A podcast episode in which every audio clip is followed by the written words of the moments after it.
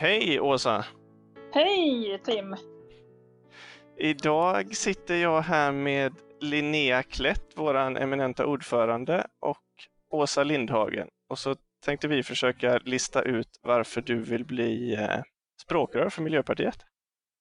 Ja, eh, trevligt att få sitta här och samtala lite tycker jag. Eh, det, om man går rätt in på den frågan så är det ju fler skäl. Och det första skälet är för att jag vill vara med och eh, förändra, för att vi har kanske tio år på oss när det gäller att vända klimat och miljökrisen eh, och också att vi ser att auktoritära krafter vinner mark både eh, världen över men också här i Sverige och de här krafterna är farliga. De är farliga för vår demokrati, för mänskliga rättigheter, den fria pressen, den fria kulturen, alla människors lika värde, jämställdheten, barns rättigheter.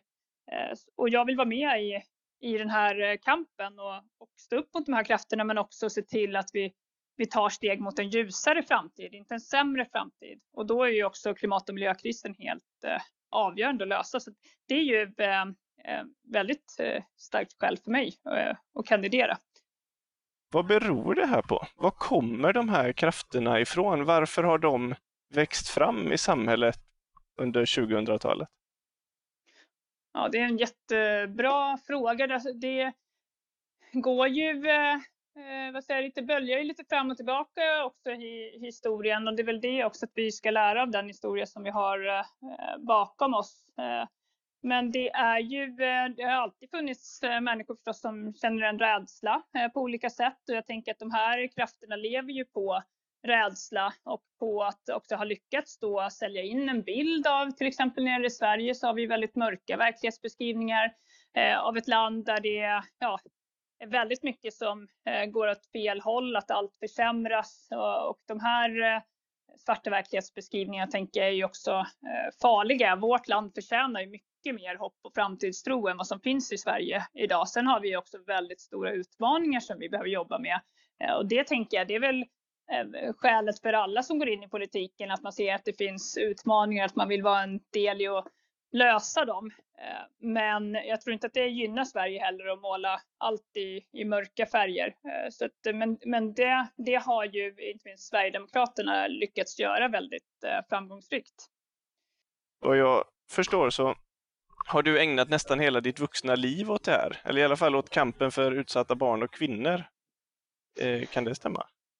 Ja, men jag har ju alltid, jag tänker vi är många som känner ett engagemang också för barn som har det svårt, också för att eh, ja, men det gäller att eh, flickor och pojkar och kvinnor och män, eller oavsett hur man definierar sig, att eh, vi ska ha lika villkor i, i samhället. Och jag har väl eh, Ja, men jag har ju eh, också starka minnen från när jag var liten och kände eh, verkligen att eh, också som själv som barn att det var så fruktansvärt orättvist att vi hade barn i världen som hade det svårt på olika sätt, att man inte hade mat ordentligt, att man fick jobba jättehårt eh, i barnarbete och, och, att, eh, och då kände jag väldigt starkt att när jag växer upp då ska jag Eh, resa och starta ett barnhem och ta hand om barn som har det tufft. Eh, och det har jag ju inte gjort, men däremot har jag ju engagerat mig i, ja, men i Rädda Barnen i många år.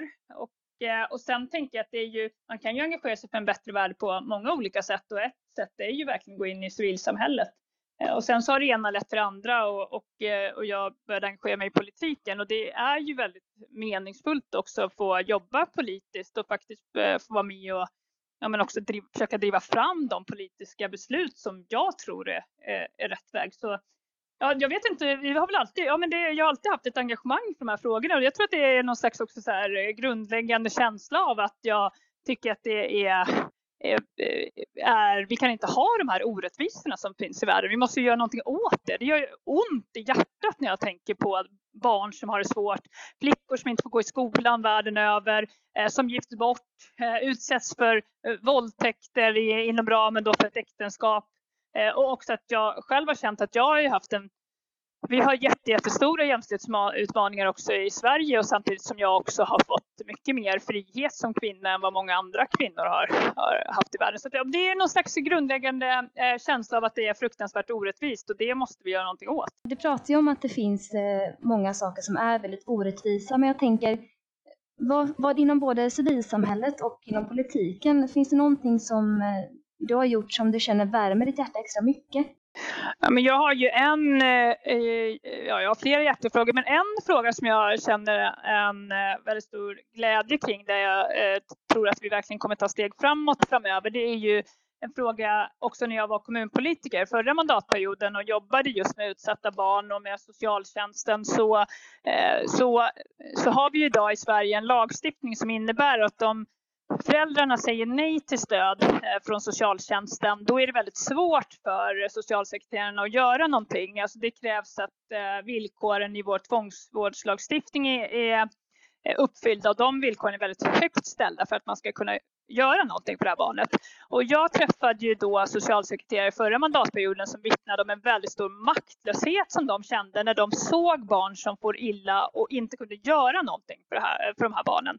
Eh, och det var ju väldigt svårt för mig att förstå. Vi kunde svika barnen eh, och det var också väldigt tydligt för mig var ansvaret för detta låg, nämligen på eh, politiken. För det är vi politiker som stiftar lagarna. Och det här är en fråga som jag försökt driva också förra eh, mandatperioden och lyfta fram på olika sätt. Och, eh, nu har vi ju eh, fattat ett beslut också, eh, ett uppdrag i regeringen den här mandatperioden att ge so eh, Socialstyrelsen i uppdrag att ta fram lagförslag för hur vi kan öka socialtjänstens möjligheter att göra insatser även när föräldrarna säger nej. Eh, så nu känner jag att nu ska vi verkligen framåt i, i den frågan. Och det här är ju också ett väldigt tydligt exempel på den här starka föräldrarätten som vi har i Sverige idag där det är alltså föräldrarnas rätt att säga nej till stöd väger alltså tyngre eh, än ett barns rätt till, till skydd och hjälp. Eh, och det har jag väldigt svårt att förlika mig med. Och där eh, är ju ett arbete igång som jag känner en otroligt stor glädje över. Har du lyckats förankra det eh, tankemönstret även över blockgränserna? Finns det en enighet i riksdagen idag om att vi måste ändra det här? Ja, alltså det finns ju när det gäller barns rättigheter så är vi ju väldigt eh, eniga om, eh, alltså när det gäller att barn ska ha det bra, ska vara trygga, eh, ha kärlek, framtidstro i sitt liv. Men när vi sen börjar gå ner på vad det de facto betyder i praktiken, alltså vi kanske måste ändra en lagstiftning på en viss paragraf, vi behöver Eh, ta steg framåt här som faktiskt kommer begränsa föräldrarnas eh, rättigheter till exempel, då blir det ju ofta mycket svårare. Och där har vi ju nu det senaste halvåret faktiskt haft en debatt om den här starka föräldrarätten och den debatten eh, började ju på grund av det här fruktansvärt tragiska fallet i Norrköping med Lilla hjärtat. Där vi hade en liten treårig flicka som flyttades tillbaka till sina biologiska föräldrar och, och det slutade med, från att ha varit familjehemsplacerad sen hon var ju väldigt, väldigt liten och det slutade med att den här flickan dör. Eh, och, och, det är ju helt, eh, det, jag tänker det har ju upprört ett helt, ett helt land, eh, hennes öde. Trots att det här, det är, ingen, det är inget nytt att vi har ryckt upp barn på det här sättet, men, men den här lilla flickan, hon, eh, hon miste sitt liv. Eh, och det har ju satt igång en stor diskussion om föräldrarätten och att vi faktiskt måste sätta barns rätt till trygghet och skydd före föräldrars rätt till sina barn.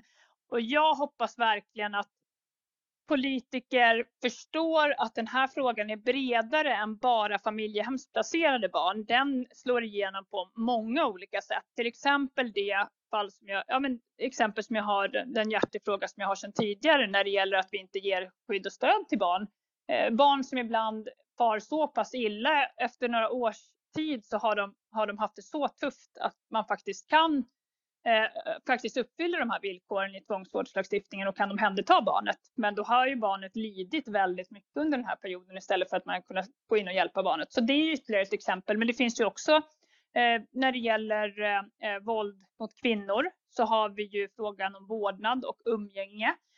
Där den extrema formen av föräldrarätt är ju eh, män som har mördat eh, barnens mammor och sen ändå har vårdnaden om barnet. Där har vi ytterligare ett tydligt exempel på den här starka föräldrarätten som finns och där vi sätter föräldrarnas rättigheter före barns rättigheter. Och jag hoppas att eh, fler politiker har fått upp ögonen för detta. Men jag tror fortfarande att vi har ett stort, stort jobb med att göra med att verkligen sätta barns rättigheter i centrum. Där eh, har vi lång väg kvar att gå och också i politiken tror jag. att det här kommer fortsätta att vara en kamp på olika sätt. Skulle vi ha kunnat rädda Lilla hjärtat om barnkonventionen hade varit lag då?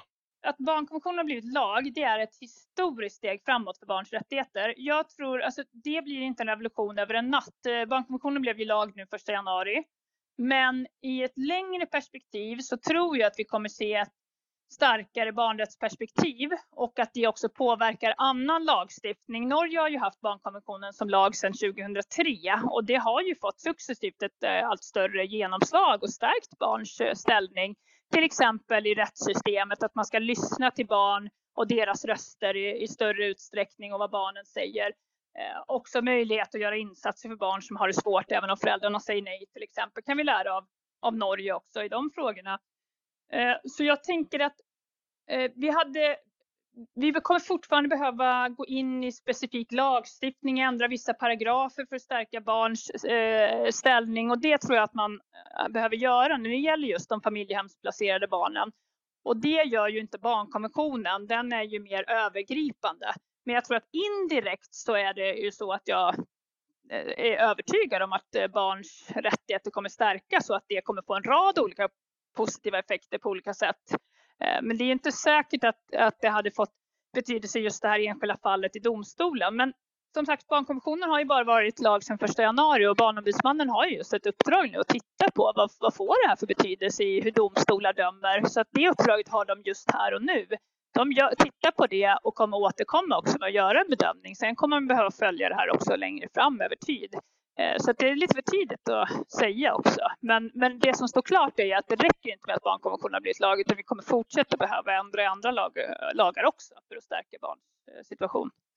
Kan du säga något om din egen skoltid? Menar du kring just orättvisor? Nej, inte egentligen. Inte egentligen. Jag tänker mer allmänt. Hur var det att vara Åsa Lindhagen i, eh, i högstadiet? Ja, men det, eh, det var nog, eh, tyckte jag, den tuffaste tiden i, i skolan. Om vi pratar just om högstadiet. För jag tyckte att det var en ganska hård miljö. Man hade lämnat liksom mellanstadiet och, och det var en ny skola. Eh, det var mycket tuffare. Det blev eh, viktigare med utseende. Jag gick ju mjukisbyxor ibland i sexan, eh, men det gjorde man ju absolut inte i högstadiet och det var, ja men det var, jag tyckte att det var lite, det var ganska tuff per gång och jag var inte den tuffaste och eh, vad säger, coolaste eleven på, på skolan. Eh, och jag, eh, ja men eh, pluggade ganska mycket eh, och, och sådär så att jag, jag var väldigt ambitiös på det sättet. Tyckte jag väl att det var ju roligt i skolan och sådär. Men det var, jag tycker det var en jag tycker det var en ganska tuff tid. Jag tror att jag kände mycket starkt eh, för hur ska man göra för att passa in? Hur ska man bli Eh, ja, men omtyckt och, och så. Så att, eh, ja, det var eh, mycket bättre i gymnasiet tyckte jag.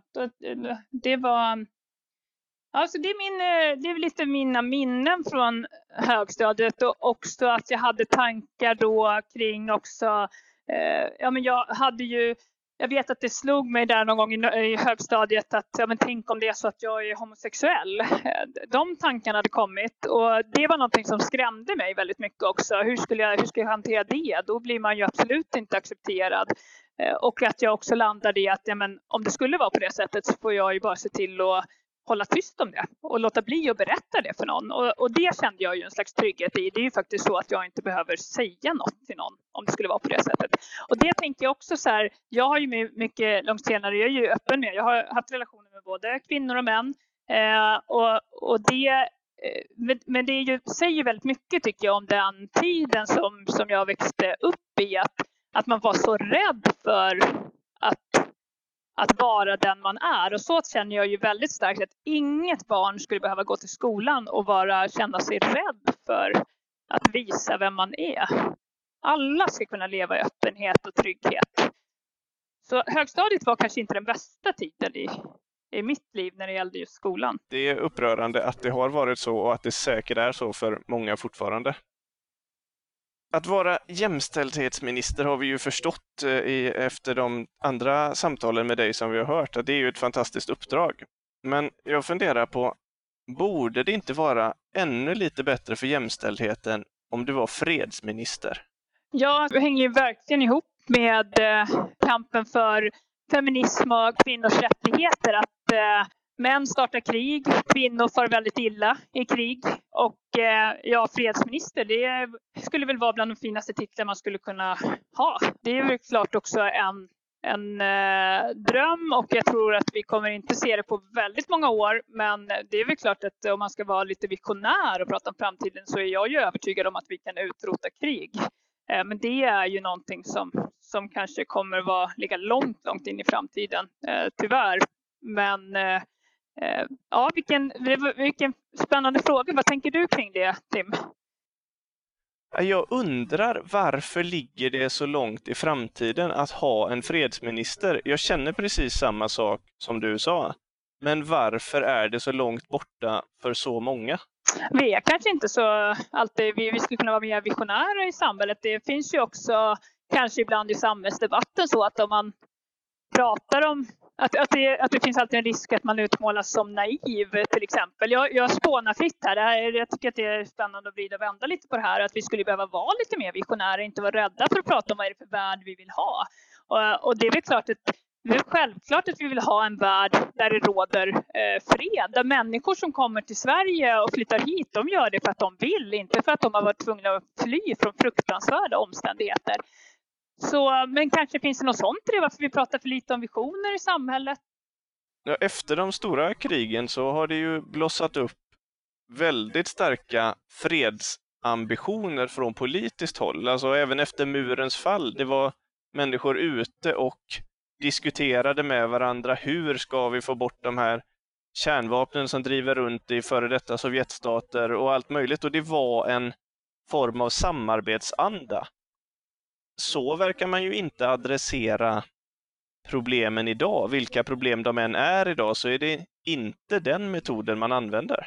Nej, men ja, vi lever tycker jag i lite mörkare tider också. Ibland kan jag tänka, jag som har två barn också, eh, nu märker inte de så mycket av det än så länge, de är ganska små, men, men jag tänker ibland på min egen mamma som växte upp, eh, född 44 och växte upp i i tider när det fanns, var väldigt starkt präglat av att nu ska vi aldrig mer ha krig. Vi har haft andra världskriget eh, och nu ska vi gå mot ljusare eh, tider. Och, och, och det, det upplever inte jag alls präglar vår tid idag. Eh, och den värld som mina barn växer upp i och också det hotet mot eh, klimatet och mot den biologiska mångfalden och de eh, konflikter som finns runt om i världen. Också de krafter då som vi, när vi pratade här precis inledningsvis också i samtalet med de auktoritära krafterna som väldigt tydligt skickar ut budskap att vi människor gör bäst i att tänka på oss själva.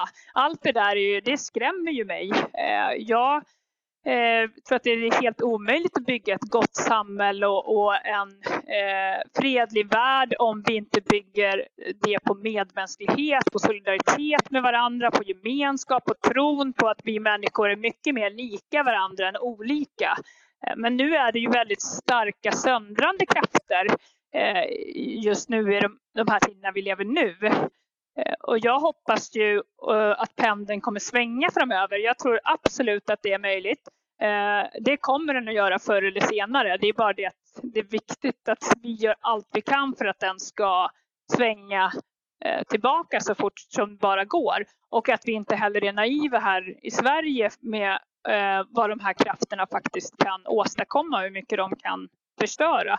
När vi också har partier i riksdagen som har öppnat upp också för samarbete och då med, eh, med ett nationalistiskt eh, parti på den extrema högerkanten och då pratar jag om Sverigedemokraterna. Så det är väl kanske lite mer eh, svårare tider och samtidigt också en oerhört kort om tid för att möta klimatutmaningarna. Så det är ju, jag brukar säga det att är det någon tid man ska engagera sig så är det väl precis just nu. Kan du ändra det offentliga samtalsklimatet om du blir språkrör? Jag tror absolut att eh, Miljöpartiet kan spela en helt avgörande roll i det och det är väl en av de saker som jag känner som allra starkast för att göra precis just det.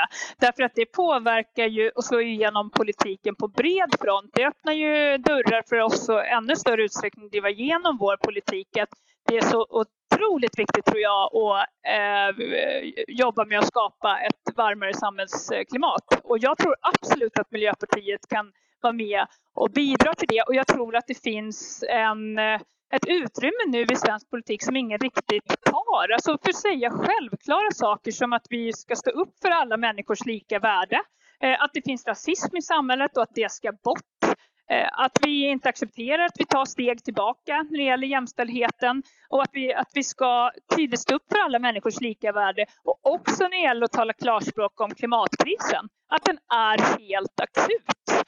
Så jag eh, känner ju eh, en otroligt stark eh, eh, känsla när det gäller att, som att jag hör hemma i Miljöpartiet och det har jag ju känt sedan jag blev medlem för många år sedan. Ah, och, och jag tror väldigt mycket på på vår eh, politik och på att vi har en uppgift.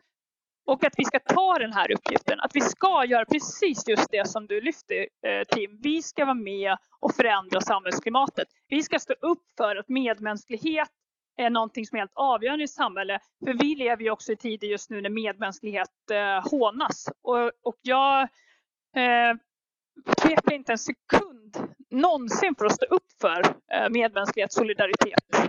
Eh, det måste vi göra och det ska vi göra. Ska vi ta en lite, lite enklare fråga då kanske? Jag har förstått det som att du är ingenjör ja, i botten. Ja, stämmer bra. Var läste du till ingenjör? Och vad blev jag du för blev eh, civilingenjör i industriell ekonomi. Jag pluggade vid Linköpings universitet.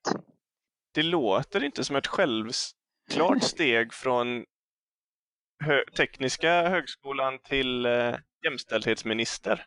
Vad kommer det sig att du inte blev liksom vinnare eller rymdpilot? Ja, men det, eh, jag, jag känner ibland att jag rör mig lite olika världar. Eh, och, eh, ja, men jag har ju varit, eh, jobbat också som managementkonsult i flera år efter att jag blev eh, klar. Så det är ju lite en annan värld i näringslivet. Och, eh, jätte, jättelärorikt var det verkligen. Eh, men sen också samtidigt alltid varit engagerad i Rädda Barnen vid sidan av. Och, och, eh, och i Miljöpartiet så kanske när en hel del andra av eh, ja, men mina kollegor på jobbet kanske eh, gick och tränade eller om man gick hem och tittade på en film så gick jag hem och jobbade med, med stadgar för, för vårt distrikt och hur skulle vi utveckla våra utbildningar internt och stärka kommunerna. Jag satt ju i Stockholmsdistriktets styrelse bland annat en, en period. Eh, så, så jag känner väl att jag har haft benen i lite olika olika världar sådär.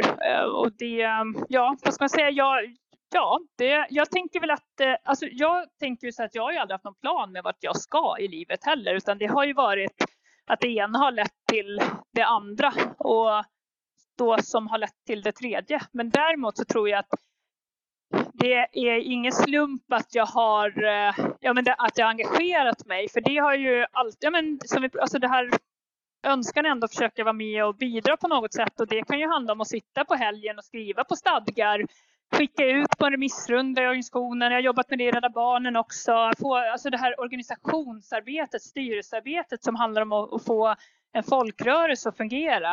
Att, eh, att det på något sätt, ehm, det har väl alltid varit väldigt, väldigt viktigt för mig att, att, eh, att ha, ha, vara med i ett sådant arbete.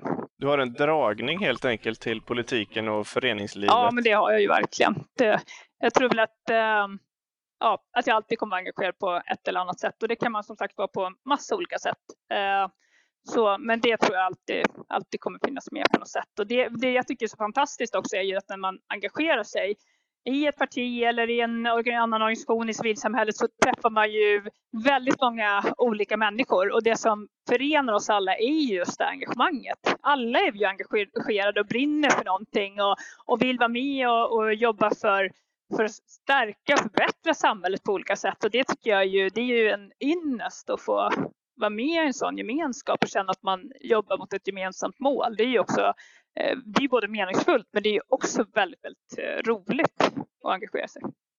Är det ingenjören i dig som har fått dig att bli elcyklist eller är det bara transportmedel? Eh, ja, men det var väl kanske bekvämligheten i, i mig på något sätt. Att det kändes ju väldigt bekvämt att cykla elcykel. Det är ju fantastiskt fordon alltså.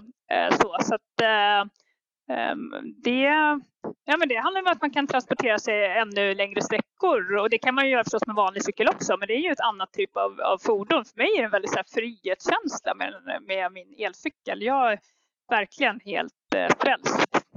Ja, det är samma för mig faktiskt. Jag eh, upplever det som att eh, det är nästan som när man var tio. Det är liksom bara... Ja, men verkligen, verkligen.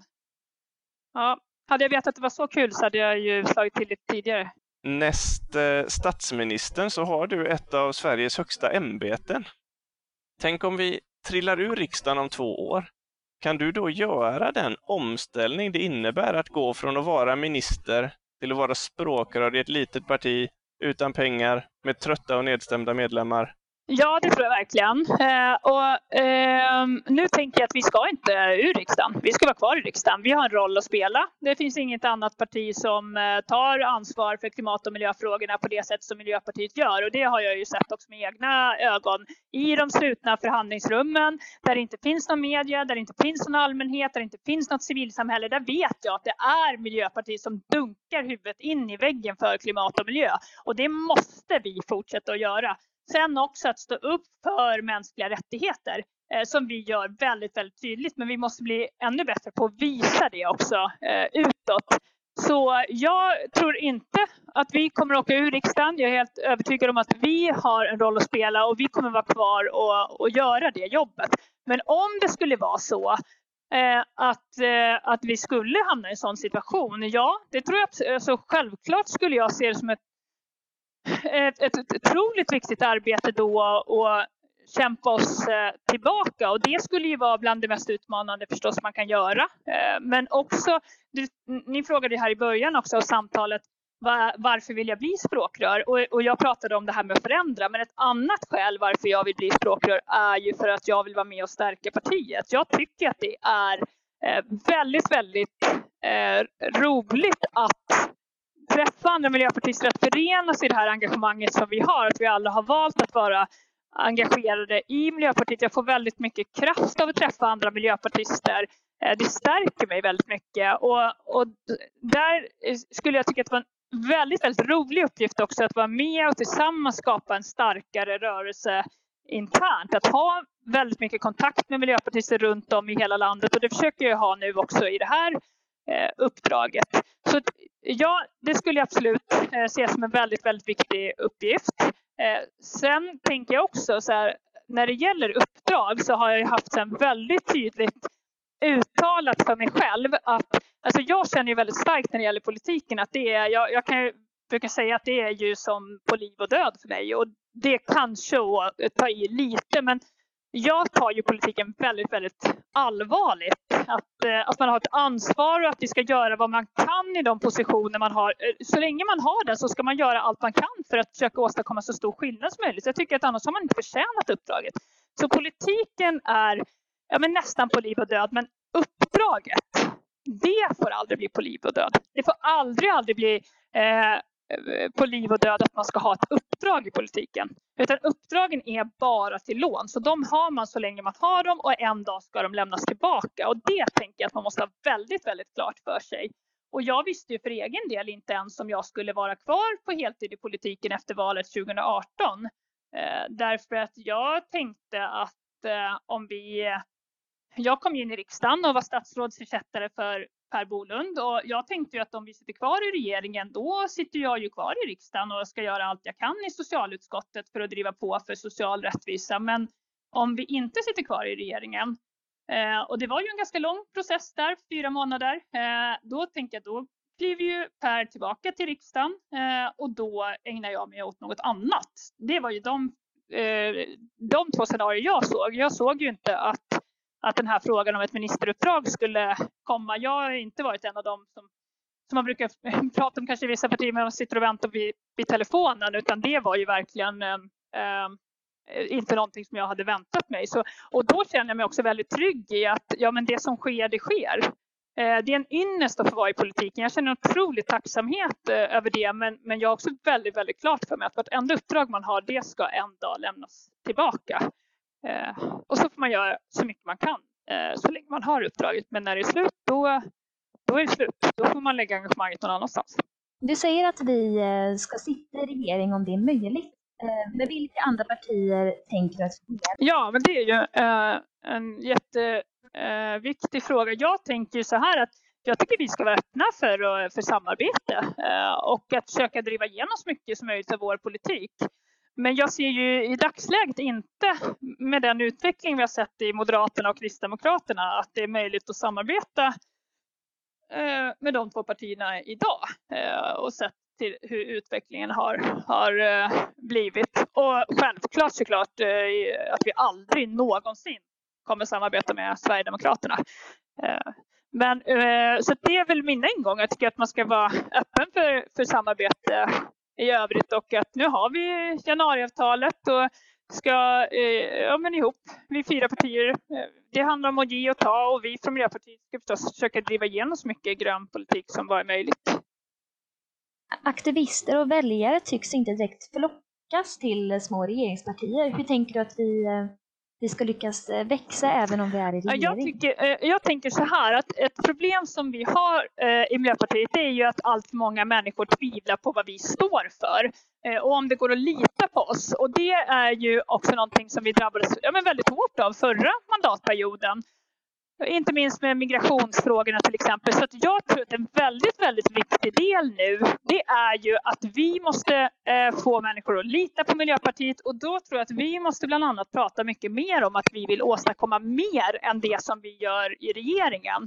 Eh, vi ska prata förstås om de reformer och de eh, gröna segrar som vi har lyckats nå. Men vi måste också mycket tydligare våga säga att det här räcker inte för oss. Vi vill göra mer. Eh, och där tror jag att det har funnits en Ja, men delvis. Jag tror att vi är på väg eh, åt rätt håll, men det har funnits delvis en ängslighet i partiet, tror jag. En, en, en rädsla för att säga, eh, ja, men säga fel, göra fel. Eh, och där tror jag att det, den ängsligheten måste vi lämna bakom oss. Och jag fick en fråga från en journalist ganska nyligen som undrade så här, hur ska du kunna säga att ni vill göra mer om ni sitter i regeringen? Och då sa jag så här att det här gör ju jag i stort sett dagligen. Jag säger ju det redan nu som minister att det här räcker inte. Vi måste åstadkomma mer i väldigt många frågor. Eh, och att jag, det kan handla till exempel om att vi har gjort stora satsningar på arbetet mot mäns våld mot kvinnor och hedersrelaterat våld och förtryck. Det är jättebra satsningar, helt nödvändigt att vi skjuter till eh, resurser till det här arbetet. Men det räcker inte. Vi kommer att behöva göra mer därför att vi ser att eh, var tredje vecka i snitt så mördas en kvinna i Sverige. Eh, vi har kvinnor som har flytt för sina liv och som flyttar otaliga gånger per år för att en våldsam man hittar dem när, efter att de har försökt gömma sig. Och vi har stora problem med hedersrelaterat våld och förtryck till exempel. Jag ser ingen motsättning i detta att, att kunna att, att prata om att, att för oss, vi har högre ambitioner. Vi vill åstadkomma mer och också skapa ett förtroende hos människor att, eh, att vi kommer fortsätta kämpa. Eh, det tror jag att vi skulle behöva eh, göra mer. Och sen tror jag också att den andra delen som är väldigt viktig i den här frågan, hur vi eh, ska vinna människors förtroende, det är att jag tror att vi måste fortsätta att kämpa för klimat och miljö. Det är ju helt avgörande. Det är ett avgörande skäl för mig varför jag är miljöpartist från första början. Vår kamp för klimat och miljö och också vår kamp för mänskliga rättigheter. Men vi måste, tänka där, också visa att vi är ett brett parti som både värnar klimat och miljö men också eh, kämpar mot de växande klyftorna, mot kvinnohat, rasism, eh, hbtqi-fobi. Eh, som man kan våga också lita på om, om man är väljare och orolig för klimat och miljö men också oroar sig för hur går det för sjukvården, äldreomsorgen, för barnen i våra skolor.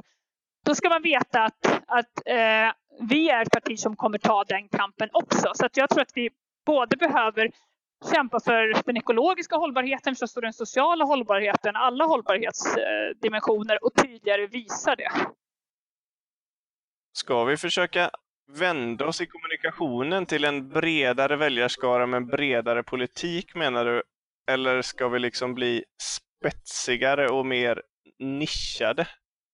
Eller är det en konflikt Nej, mellan jag de tror två? Att vi ska ju i det här läget välj, eh, vända oss till de väljare som kan överväga och, och eh, rösta på oss. Men som vi inte har vunnit förtroende hos eh, hittills. Och där har vi ju nu i partiet en kommunikationsstrategi som har tagits fram som jag tror väldigt mycket på.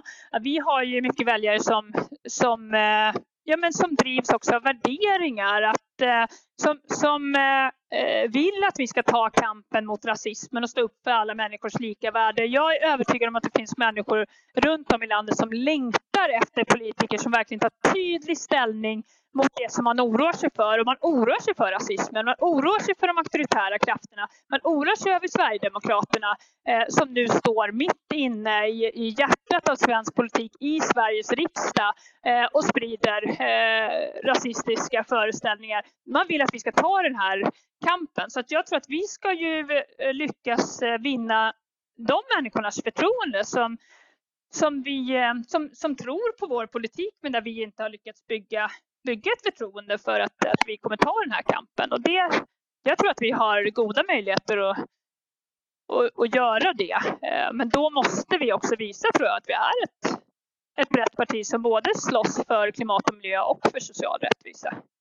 Hur skulle du hantera den potentiella konflikt som kan uppstå mellan att vara språkrör för det som partiet bestämt, för det som du kanske tycker, och den kompromiss som vi sedan måste göra med andra Ja, men det är där jag tror att vi mycket tydligare också måste säga att vi vill göra mer. Jag tror att i vissa lägen så tror jag att det kan vara rätt att säga att det här var inte politik som vi brann för, som att eh, Eh, ja, men, eh, ta bort värnskatten till exempel. Det var ju inte en, en grön seger utan där handlar det om att ge och ta i ett samarbete.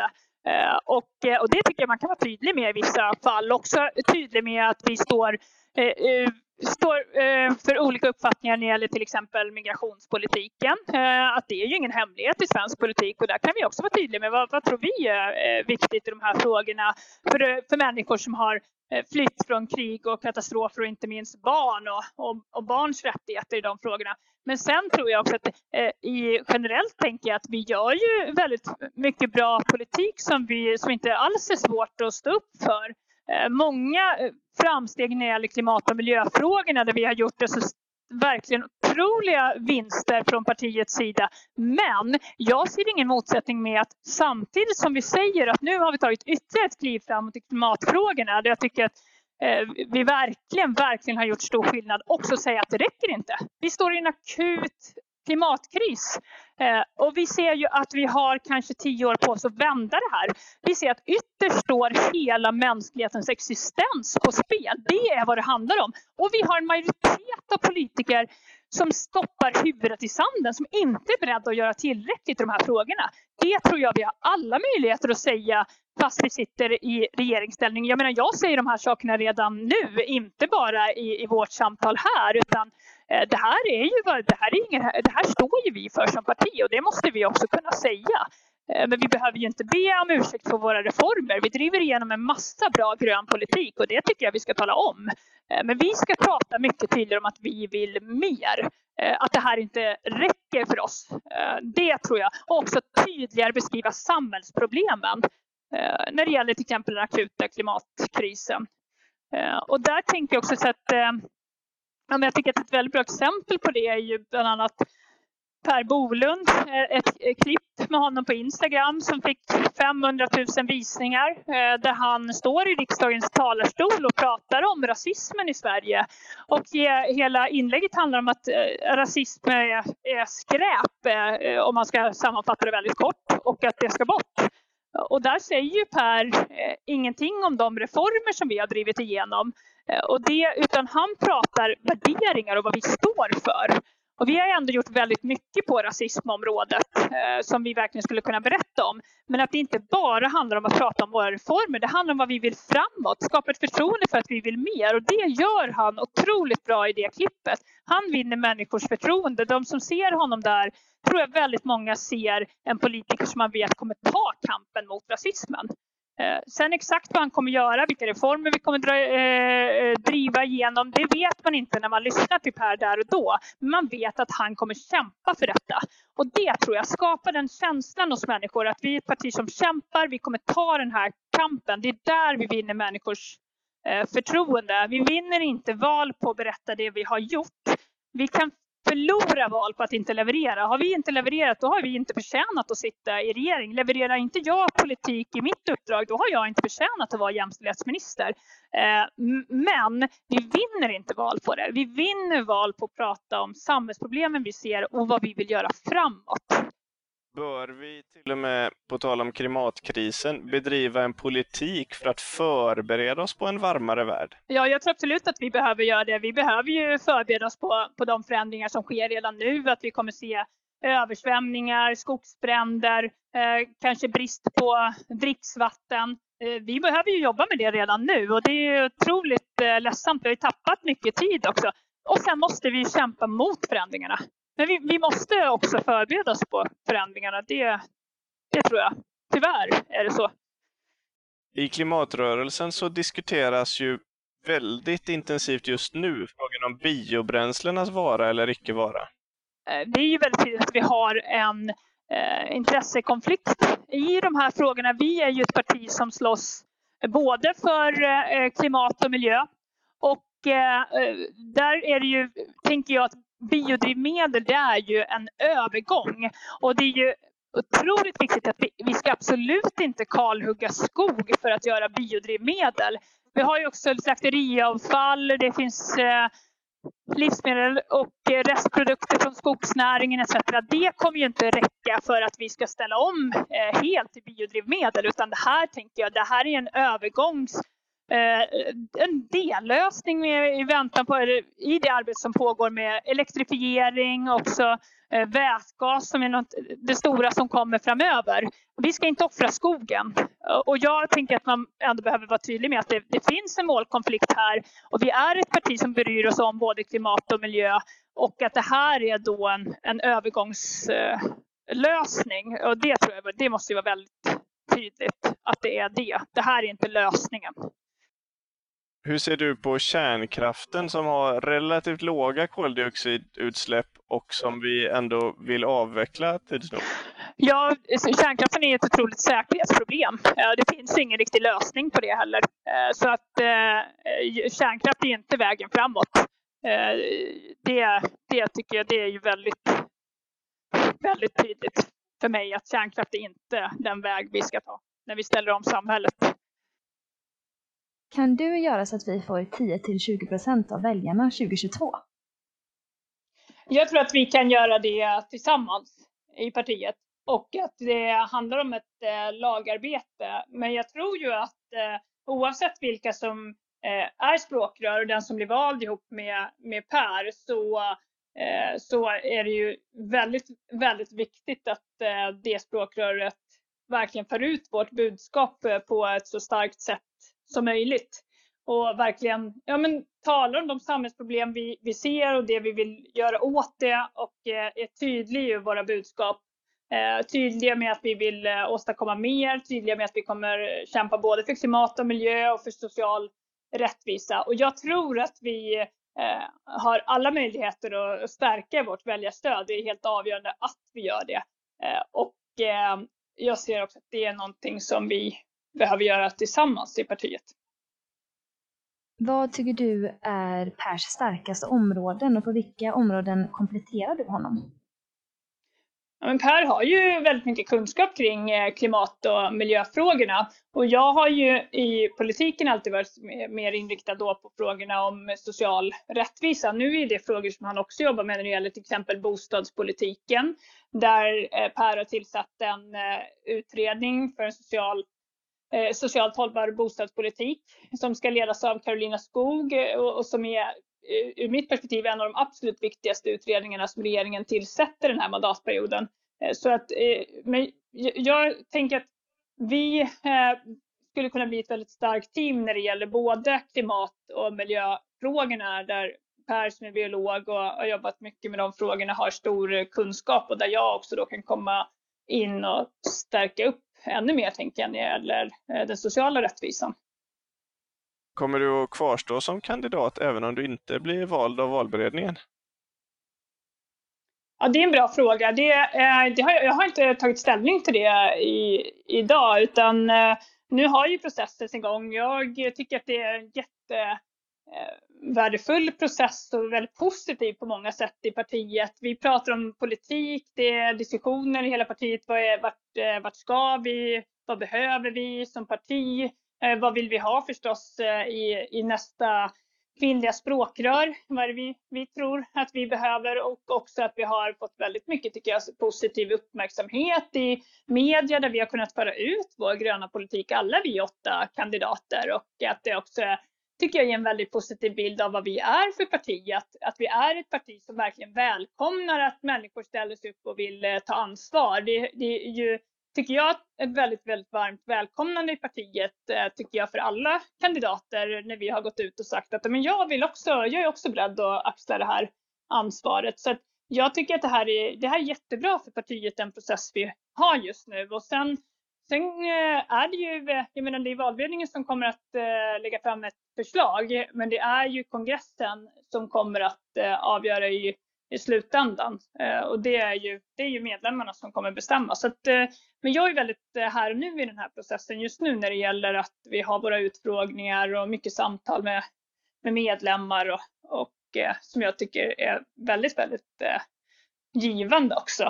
Oavsett hur det kommer bli i slutändan, vem som kommer bli vald, så är, det en, en spännande och givande process för mig att vara med i. Varför tror du att det blev åtta kandidater? Har det ens förekommit något liknande i svensk politik? Nej, jag tycker vi sticker ut här som parti, men jag tycker att det här har ju alltid genomsyrat eh, Miljöpartiet sedan jag blev medlem och, och eh, helt övertygad om eh, innan dess att vi är ett parti som verkligen välkomnar att människor vill vara med och, och göra någonting och vill engagera sig. Jag tycker att det var så otroligt eh, härligt med den eh, partikulturen och jag har ju sett den lokalt också, medlemmar som eh, kandiderat till uppdrag. Jag har sett medlemmar som har kandiderat och inte blivit valda och sen har de kandiderat vid ett annat tillfälle och då har de blivit valda. Eh, att det också har varit väldigt tydligt att eh, eh, ja, men en väldigt välkomnande eh, kultur och, och tycker jag där när det gäller att, att människor vill vara med och engagera sig. Så att jag ser det som ett uttryck, att, att det blivit just åtta kan man ju alltid fundera varför blev, blev, blev just åtta, men att det har blivit många som har velat kandidera, det, det tycker jag verkligen är ett äh, styrkebesked för vårt parti. Jag tror verkligen att det är som sagt, äh, det är en konsekvens av den partikultur vi har, där vi välkomnar engagemang.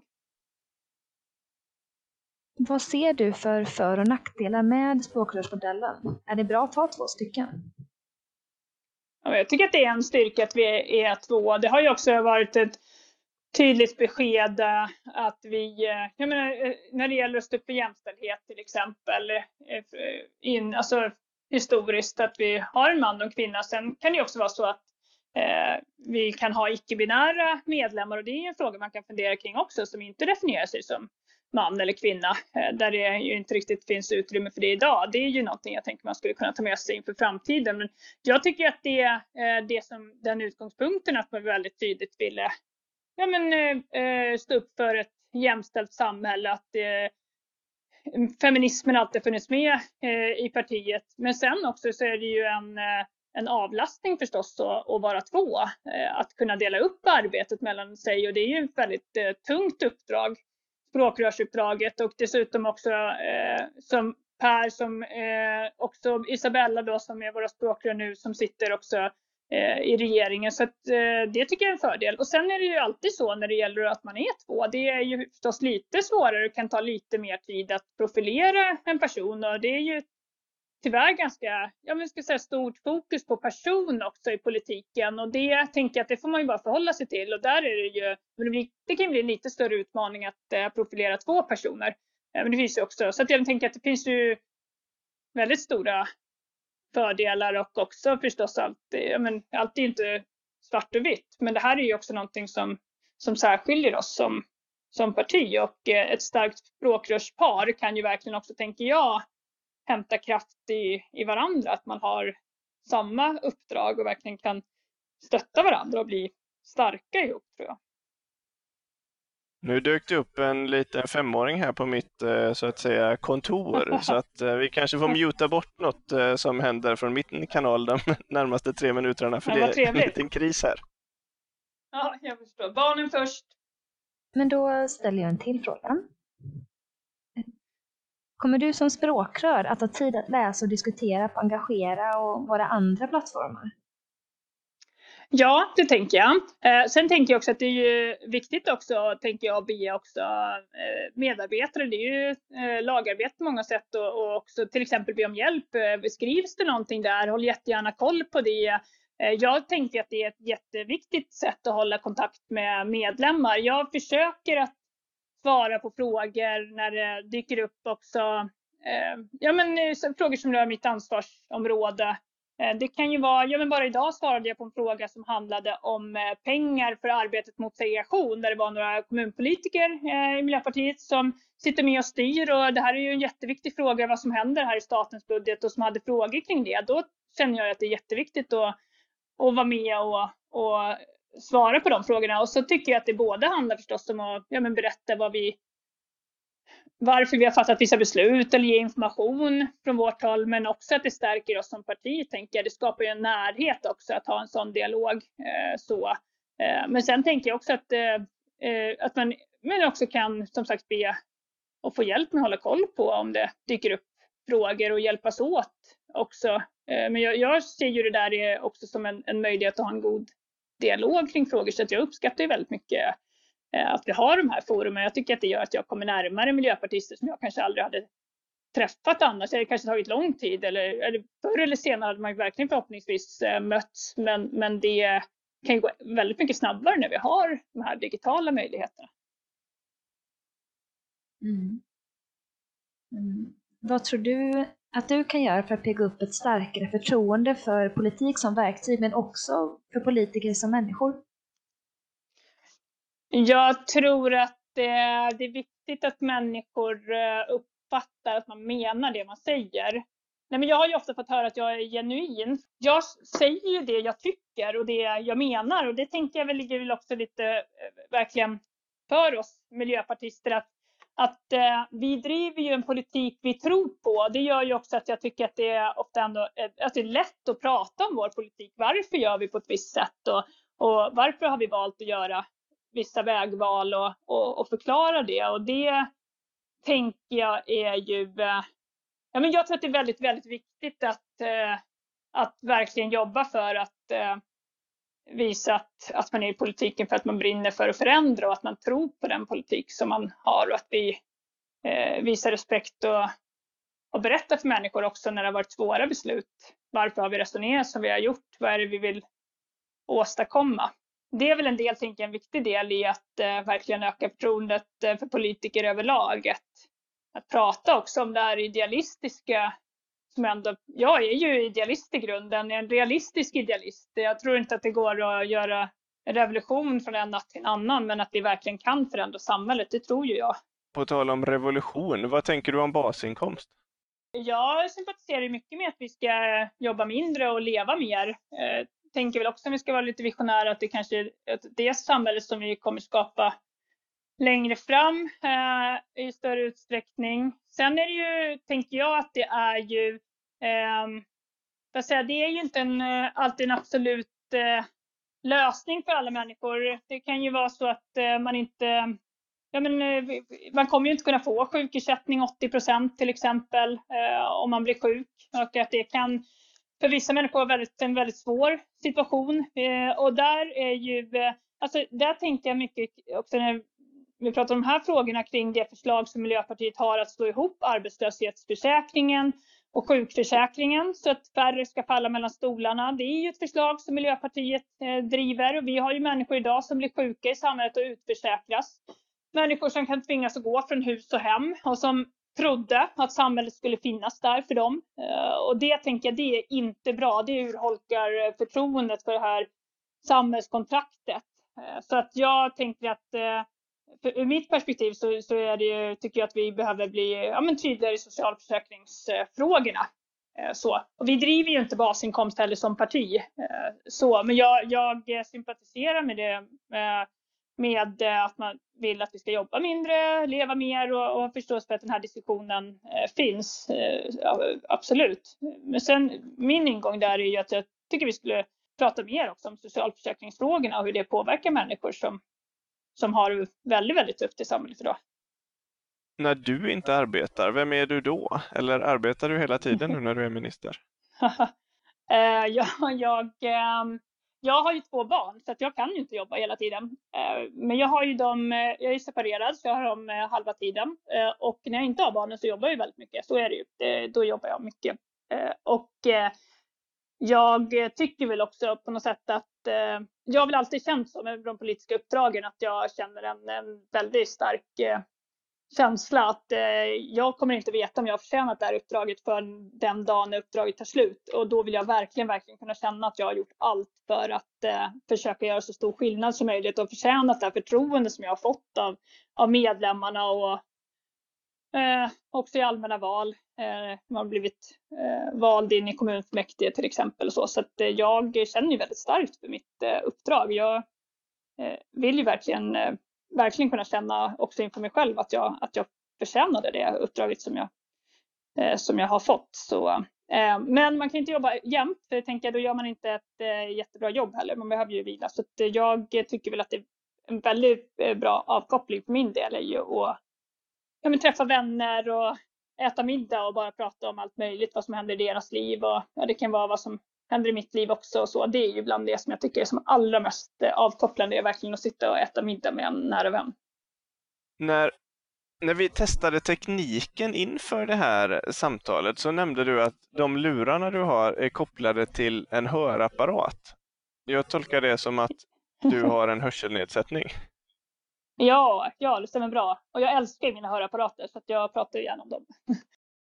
Jag var jättenyfiken på hur det har gått i coronatider när man sätter upp plastväggar mellan alla människor och man eh, säger att man ska stå på långa avstånd och sådär? Ja, ja men jag har ju störst problem är ju när det är väldigt mycket ljud. Eh, så om jag sitter i ett eh, mötesrum, nu är det ju väldigt mycket digitala möten, men det är ju inte att hålla avstånd och sådär, det gör ju inte så eh, jättemycket för min del, utan det har ju varit svårare när man är i en miljö där det är väldigt trångt och väldigt, eh, det kan vara hög musik och de, där är det ju snarare tvärtom. De miljöerna är jag ju inte alls i nu när det är corona. Nu ska vi hålla avstånd och eh, ja, eh, verkligen, eh, jag befinner mig inte så mycket i några bullriga miljöer alls eh, just nu, så att eh, det, det har inte varit någon utmaning på det sättet. Och sen är det ju så här, jag, mina hörapparater är ju verkligen jättebra hjälp för mig. Så att det är ju, jag har ju, fick ju dem 2012 tror jag jag fick mina första. Så att jag har ju levt näst, alltså allra största delen av mitt liv utan hörapparater. Men när jag väl jag har väl känt lite så här, men ja, vem är jag som ska komma och ha hörapparater? Jag har väl alltid klarat mig och det är väl lite för mycket och kanske tänka att man skulle begära det på något sätt. Men, men då var jag en, var, eh, hos en läkare som föreslog att jag skulle testa och då, då gjorde jag det och det var ju helt fantastiskt. Det är ju som att jag har lock för öronen när jag tar av eh, hörapparaterna. Så att jag har ju på mig dem jämt. Även om jag är själv hemma så vill jag ha hörapparaterna. Och jag, jag minns när jag var hos audionomen, nu, nu blir det en lång utläggning här Tim och Linnea, men jag, jag känner ju väldigt starkt mina, mina hörapparater. De, då var jag hos audionomen, hade fått de här, då, då, säger hon att det kan vara ganska jobbigt i början för det är så mycket, men jag prasslar med papperna här så låter det mycket mer än vad du är van vid. Och jag älskar ju när det prasslar med de här papperna. Jag tycker det känns fantastiskt att jag hör det här prasslet mycket mer. Så att eh, för mig var det verkligen bara en positiv upplevelse. Så att eh, de hjälper mig jättemycket och mer än vad jag hade förstått innan jag fick dem. Det säger ju någonting om hur olika vi uppfattar vad som är bra och positivt och dåligt. Jag är nog precis lika glad som du är över dina hörapparater, så är jag ju exakt lika glad över mina brusreducerande lurar. Mm. Som dämpar ljudet lite från det som händer runt omkring eller om man håller på och städar så kan man lyssna på någonting fast barnen springer runt och leker. Ja, men det låter ju för sig som en väldigt eh, väldigt, väldigt intressant tycker jag också. När vi pratar om teknik här så är det ju det finns en oro. Alltså för, för 10-15 år sedan då var alla överens om att det var jättefarligt med den här övervakningen som blev allt mer och mer. Vi pratade om FRA-lagen mm, till mm. exempel. Idag är vi hundrafalt mer övervakade av Apple och Google och säkert FRA och polisen också. Hur ser du på den utvecklingen? Men jag, jag känner en, eh, en oro kring det, absolut. Jag kan ju, eh, alltså, vi har ju också framväxten av AI till exempel. Hur kommer det påverka samhället framöver eh, med artificiell intelligens? Och eh, och just också den här enorma eh, mängden information som finns om oss människor eh, numera. Så att jag tror ju att, ja, men att det här är en fråga som kommer växa allt mer också och att eh, ja, jag, jag, tror att det finns eh, skäl att känna oro kring det också. Och inte minst när man också ser hur den här typen av teknik kan användas av diktaturer för att övervaka människor. Eh, och att det kan vara ännu svårare för människor att slå sig loss från ett förtryck. Och, är det så att staten blir eh, alldeles för stark, då kan det faktiskt vara så att det är otroligt svårt också att, eh, att faktiskt störta en diktatur för människor. Och det är ju oerhört svårt oavsett. Så att ja, jag, jag tänker att teknikfrågorna är väldigt viktiga och, och integritetsfrågorna att diskutera. Vill du som språkrör leda partiet eller följa partiet? Leda. Eh, och eh, leda tänker jag att man också gör genom eh, bland annat att lyssna. Vad säger människor i partiet? Vad tycker man är viktigt? Också förklara, tänker jag, när man inte kanske har gjort eh, så som vissa medlemmar hade önskat. Sen såklart eh, följa demokratiskt fattade beslut. Vad, vad vår kongress har sagt till exempel. Eh, det ingår ju också i eh, språkrörsrollen. Det är också en del i att leda, att också eh, vara, att man är en del i en, en demokratisk rörelse. Så att, eh, men också att inte vara rädd för att ja, men fatta beslut, att eh, våga stå upp, självklart stå upp för vår politik och också eh, våga peka ut vägen framåt. Det tänker jag ju att eh, det, vi måste ha ett språkrör som som har, tar ett ledarskap, eh, både externt och eh, också i partiet. Och för mig så skulle det ju vara väldigt prioriterat att jobba med och som sagt stärka partiet internt.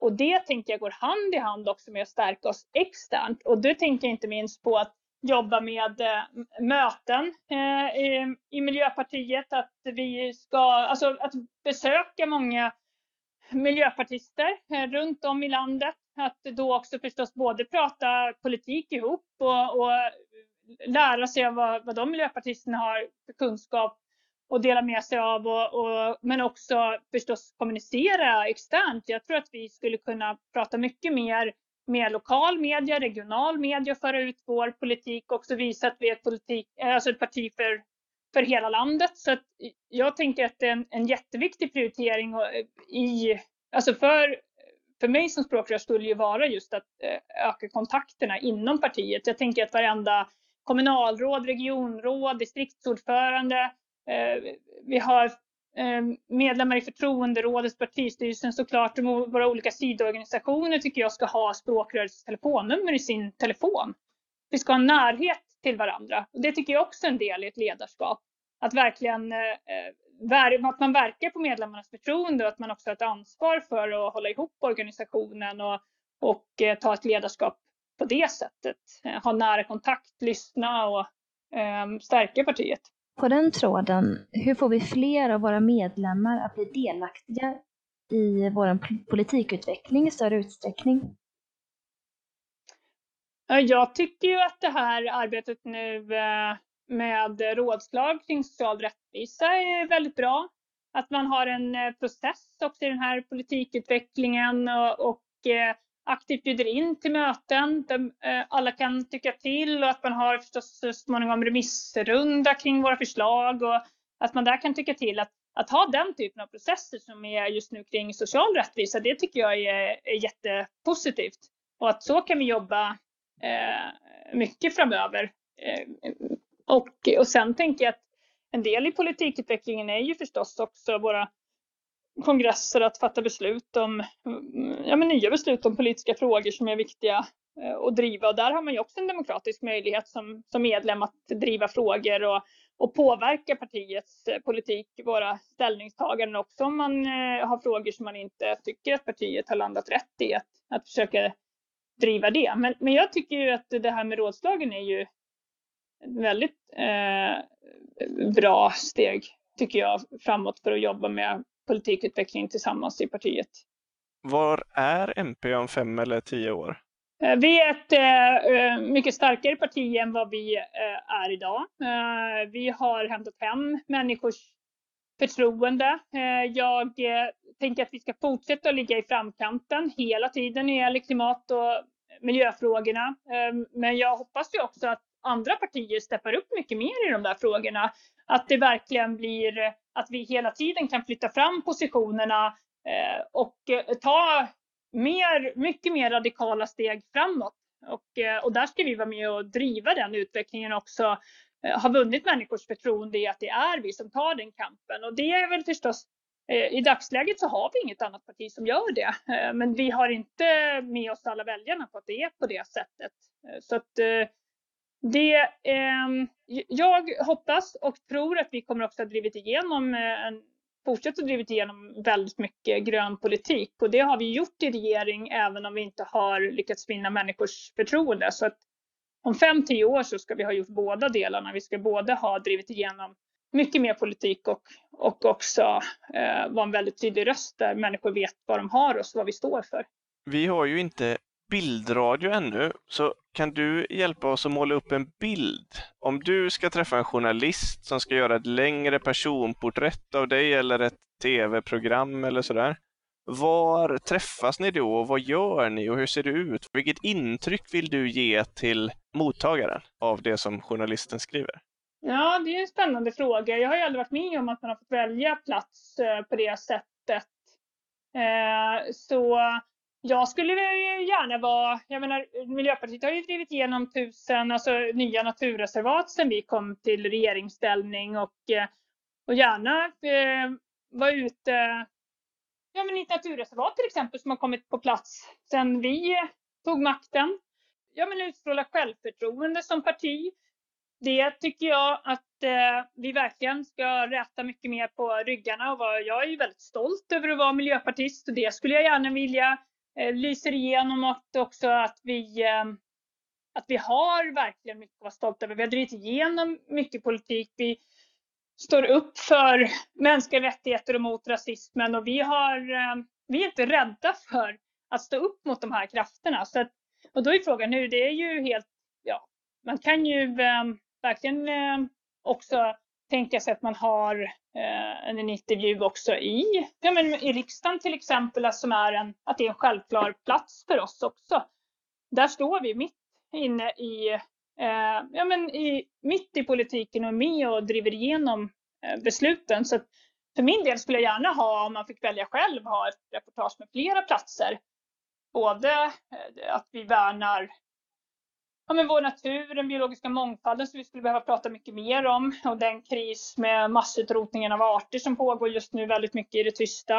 Eh, men, men också att eh, vi är ett parti som verkligen åstadkommer skillnad eh, på riktigt. Vi är vad säger, sprungna ur miljörörelsen. Vi är den parlamentariska grenen av miljörörelsen, kommer alltid kämpa för, men vi är också ett parti och, eh, och tar ansvar och ser till att driva igenom beslut. Så jag skulle gärna se en eh, intervju där man kan fånga båda de här eh, delarna.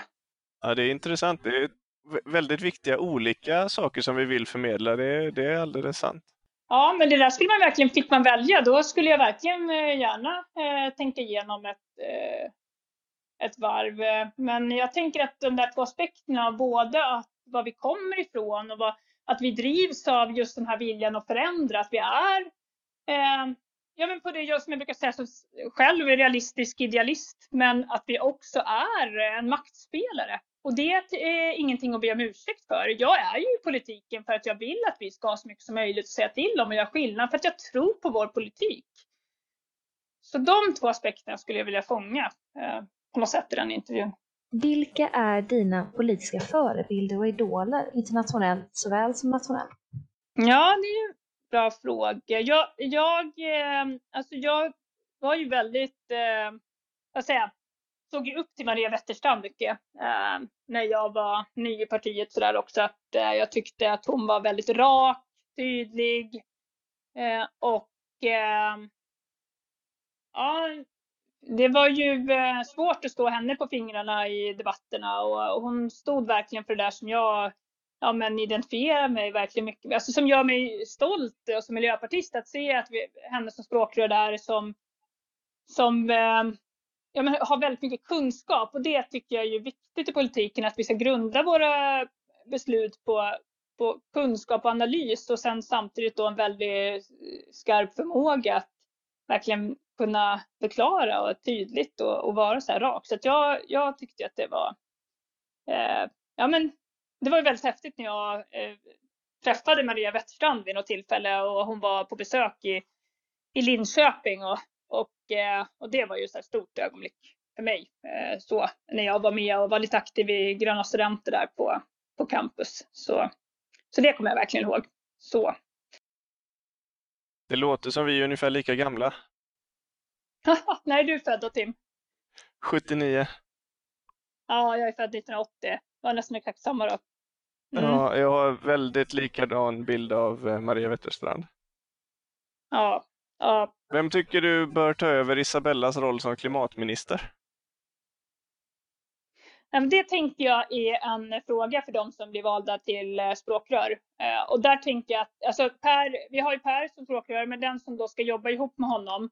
Och, och där tänker jag att när det gäller de frågorna så har ju, är mitt svar alltid att eh, det är en fråga för, för det nya språkrörsparet eh, och att eh, det blir inte, tänker jag inte helt rätt att börja prata om sådana frågor eh, för att det på något sätt föregår ju en diskussion som jag tänker av respekt för Per att man måste ha ihop med honom eh, och diskutera eh, sådana typer av, av frågor. Så. Men däremot så har jag, eh, har jag, svarar jag absolut på frågan när det gäller för min egen del vad jag, vad jag tänker och då har jag sagt när jag fått den frågan att jag är gärna väldigt gärna kvar som jämställdhetsminister och eh, minister med ansvar då för arbetet mot diskriminering och segregation och barnrättsfrågorna. Därför att det här är ju också jätteviktiga frågor för vårt parti.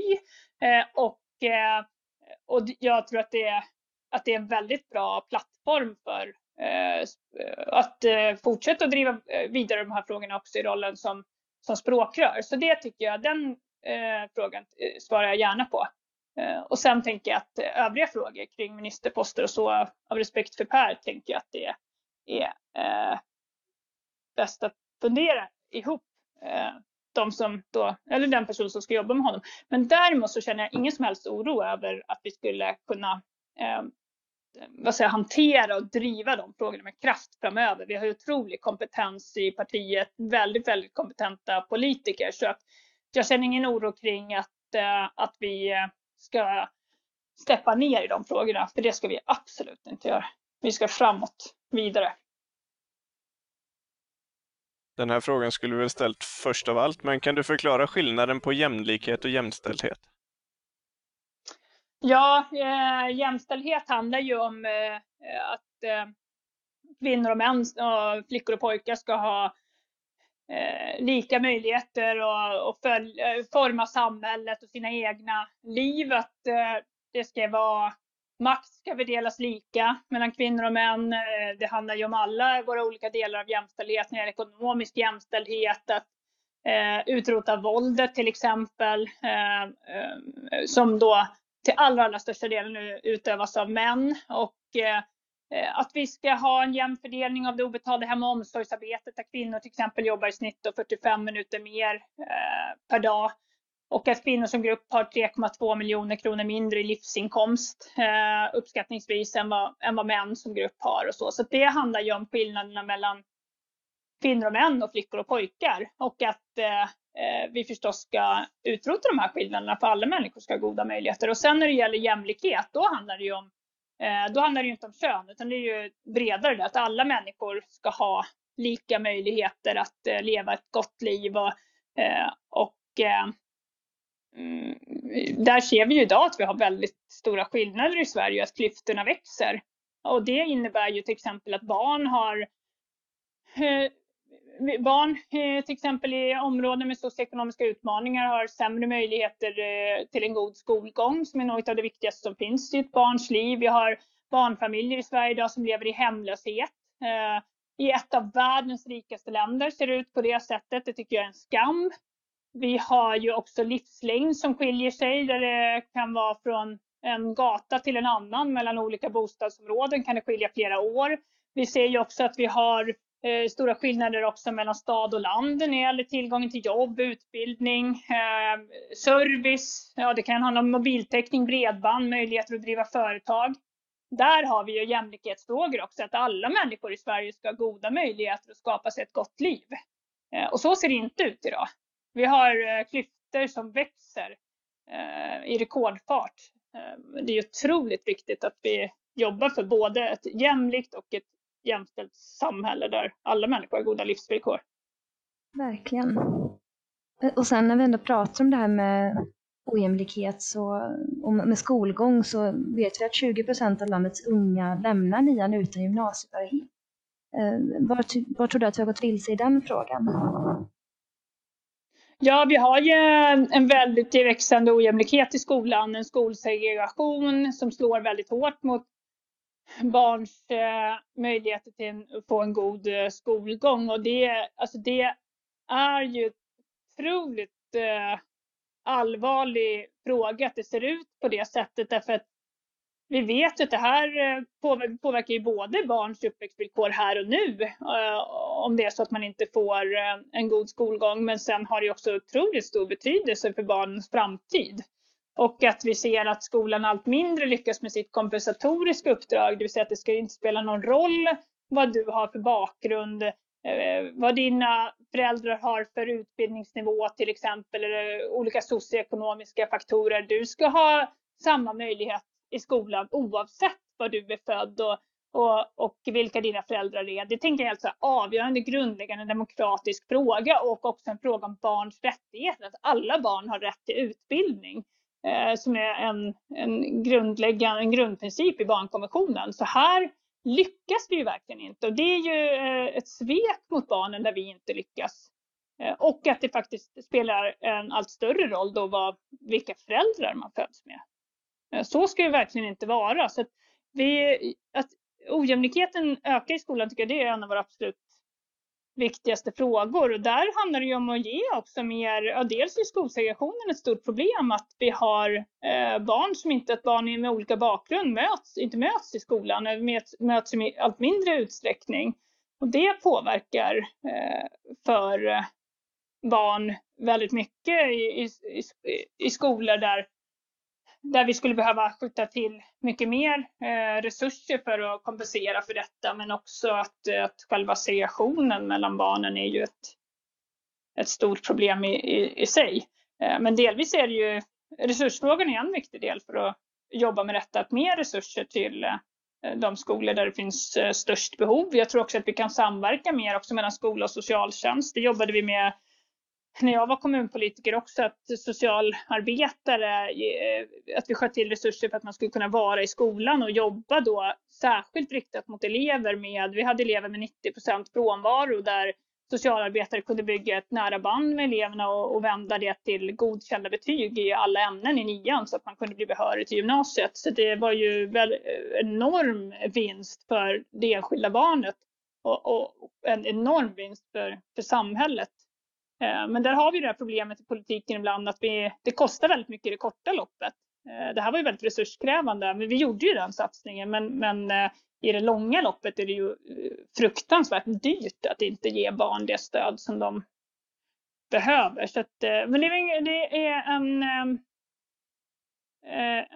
en lite svår fråga också, där vi också tycker lite olika i politiken när det gäller till exempel också vinster i, i skolan där jag själv är, är väldigt eh, kritisk till att, eh, till att man ska kunna bedriva skola och bli mångmiljonär. Jag tycker att man ska eh, Driver man skola så ska man göra det för att man brinner för utbildning och för, för barnens utveckling. Och det är klart att man kan båda de sakerna kan ju förstås kombineras, att man både brinner för utveckling eh, eh, hos barnen och för att bli mångmiljonär. Men jag, jag tycker inte att, eh, att vi ska ha de vinsterna. Jag tycker att de här resurserna ska gå till barnen. Ja, men, men hur ser du på friskolor och skolval kopplat till det här? Nej, men jag ser ju vi, eh, alltså jag har ju, eh, eh, jag har ju själv mina barn i en friskola, men den går ju inte med vinst. Och eh, jag hade gärna haft mina barn också i en kommunal skola. Nu, nu blev det en friskola. Det, det som är viktigt för mig där har ju varit att jag inte vill att skolan ska gå med, med vinst. Utan jag vill att resurserna ska gå till barnen. Eh, och sen är det ju också med det, eh, när det gäller skolvalet också, ett problem är ju också bostadssegregationen. Och att vi också har ibland ganska tydligt också vissa skolor som vill locka vissa elever till sina skolor men inte andra. Eh, och eh, eh, det är ju någonting som jag tycker är otroligt vad säger, provocerande också i det här. Så, så att jag tror att det här är ju verkligen en framtidsfråga också. Hur, hur vi ska kunna öka jämlikheten i skolan och, och också ge, ja men ge både då, och, och i det så finns också bostadssegregationen, att den också behöver, den är en, en stor, ett stort problem i de här frågorna också, att vi eh, Eh, lever så segregerat på många håll i samhället. Eh, och där är det ju många frågor som kopplar in också när det gäller till exempel att bygga blandat hyresrätter, eh, bostadsrätter till exempel om det är en stad. Hur kan vi skapa eh, mer ett samhälle där vi möts i, i större utsträckning. Du som har varit på alla de här nivåerna och jobbat med de här frågorna, sitter du på facit om hur vi ska skapa ett integrerat och jämställt samhälle? Ja, jag tänker så här att eh, om vi hade kunnat som politiker fatta beslut om att till exempel avskaffa segregationen och, och, och bli ett jämställt samhälle, då, då hade vi fattat de besluten, eh, tror jag, alltså för, för länge sedan. Men det är ju komplexa problem. Men däremot så tänker jag att en sak som vi vet när det gäller segregationen, det är ju att ekonomiska klyftor driver fram segregation. Och vi har ju ganska, eh, alltså det är den enskilt viktigaste faktorn skulle jag säga när det gäller segregationsfrågorna. Och vi har väldigt starka röster i samhället idag som säger att eh, det, ja, men lyfter migration, eh, bristande integration som anledningar till segregationen. Och det finns absolut eh, kopplingar här när det gäller till exempel en, en segregation kan för, stor segregation kan försvåra integrationen till exempel. Så, men det är inte minst de ekonomiska klyftorna som vi måste ge oss på om vi vill bekämpa segregationen. Eh, och det vet vi, det kan vi göra. Det är ju, vi har ju alla möjligheter att fördela resurser mer jämlikt i samhället, men däremot så är det ju inte, det i politiken så finns det ju olika uppfattningar om det här, så det är svåra, det är, det är inte är inte att fatta själva beslutet om vi vill förändra till exempel eh, eh, fördelningen av resurser. Skattesystemet är förstås väldigt effektivt sätt att omfördela resurser. Eh, så eh, är ju det svåra att Eh, lyckas få gehör för det också i riksdagen till exempel. Att eh, driva en politik för ett mer jämlikt eh, samhälle där vi tycker olika mellan partierna. Men sen, så att jag skulle vilja säga att minska de ekonomiska klyftorna, det tror jag är helt, en helt avgörande punkt. Att också skjuta till resurser till inte minst de barnfamiljer som har det som allra tuffast. Och där kan ju handla om att till exempel höja barnbidraget kan ju påverka väldigt, väldigt mycket för familjer med, med små eh, marginaler. Att höja underhållsstödet som har varit en viktig fråga för Miljöpartiet där vi tar steg framåt nu i nästa års budget som går till då ensamstående föräldrar och det är många gånger kvinnor. Eh, det kan också göra väldigt stor skillnad för dem med mest knappa resurser. Den typen av eh, beslut skulle jag verkligen vilja att vi, att vi tog fler steg framåt i skapar ett mer jämlikt samhälle. Och sen den andra delen där när det gäller jämställdhet så vet vi ju också eh, en hel del av vad vi behöver göra för att skapa ett mer eh, jämställt samhälle. Men det är inte heller, det är inte någonting som vi gör i en, i en handvändning. Men, men det, det är ju eh, helt centralt där att jobba mot våldet mot kvinnor. Eh, och eh, vi har också våld i nära, nära relationer, det kan drabba också män. Men tittar vi på strukturell nivå så är kvinnor i mycket, mycket större utsträckning utsatta för väldigt eh, grovt våld. Och det de flesta män utövar inte våld, men av de män som gör det så är den, alltså de människor som gör det, den absoluta majoriteten är ju män. Så våldet är också en helt avgörande del att, att jobba med, att, att kvinnor ska kunna vara trygga i sitt eget hem och då måste vi också jobba förebyggande med normer och värderingar. Eh, och det är ju någonting som inte görs i en handvändning, men det går ju att förändra normer och värderingar och där, där ser vi att destruktiva mansnormer, om man de har en koppling till, till våld till exempel. Så vi måste jobba redan i skolan, eh, förskolan, man pratar om hur vi ska bete oss mot varandra och, eh, också samtycke när det gäller till exempel eh, sexuellt våld mot eh Ehm, eh, flickor och, och kvinnor. Eh, också i samkönade relationer förekommer våld och att utrota det. Så nu blir det en ganska lång utläggning, men det, det finns det finns ju många olika delar vi behöver göra, både när det gäller att skapa ett jämlikt och, och jämställt eh, samhälle. Vi, vi behöver också jobba med skolsegregationen eh, och bostadspolitiken till exempel när det gäller att lösa segregationen i samhället. Så det är, vi behöver jobba mer långsiktigt i politiken. Det skulle vara mina, min, mina sista ord i de här frågorna. Att vi jobbar för kortsiktigt, för ryckigt eh, i budgeten partier vill ut och göra utspel. Men det viktiga är ju att vi åstadkommer skillnad på, på riktigt. Så att eh, mer långsiktighet skulle verkligen behövas både när det gäller jämställdhetspolitiken och eh, arbetet mot segregation. Och på tal om långsiktigt, i den här pandemin så kom ju äldreomsorgens brister tydligt i dagen. Hur kommer mm. det sig att inte hela samhället nu har mobiliserat runt den frågan och verkligen sagt att nu löser vi det här, så här vill vi inte ha det? Nej, men det är en jättebra fråga. Det jag tänkte kanske det skulle kunna vara ännu mer tryck i de frågorna. Ett tag tänkte jag ju att det skulle blir det. Jag hoppas ju och tror ju att de här frågorna kommer fortsätta ändå att leva för att det har ju blivit väldigt, väldigt eh, tydligt. Och bland annat att vi måste skapa bättre arbetsvillkor för de som jobbar i hemtjänsten och, som, eh, och inom äldreomsorgen på olika sätt. Att eh, verkligen se till att de får eh, goda möjligheter och, och och göra sitt jobb på ett så bra sätt som möjligt. Ehm, så att eh, jag, jag har väl en, en, en förhoppning att vi eh, skulle kunna ta steg framåt i de frågorna för det är ju verkligen, verkligen tydligt att ja, vilka brister som finns. Har du några kloka resonemang om utrikespolitiken eller hur mycket involverad är du i den? Eh, jag är ju, ehm, alltså det är alltid utrikesdepartementet som driver de där frågorna, men det är klart att det där är ju jätteviktiga frågor för mig också när det gäller eh, Eh, eh, kvinnors och flickors rättigheter ute i världen, där också pandemin ser vi påverkar väldigt negativt när det gäller flickors rätt till skolgång till exempel som kan försvåras ytterligare av krisen och också att vi, eh, FN varnar ju för att våldet ökar runt om i hela världen, mäns våld mot kvinnor och den oron delar jag ju verkligen att det här får väldigt, väldigt svåra effekter för dem som redan har det tufft i, i samhället.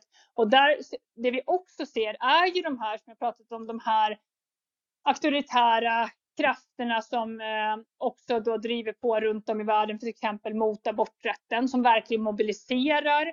Eh, jag var ju i FN förra, ja, för våren för ett och ett halvt år sedan och då Eh, hade vi ett seminarium om aborträtten och när det seminariet var slut då, ville, eh, då gjorde man en säkerhetsbedömning där i FN-skrapan att jag skulle gå ut bakvägen för att det stod hårdföra abortmotståndare utanför dörren.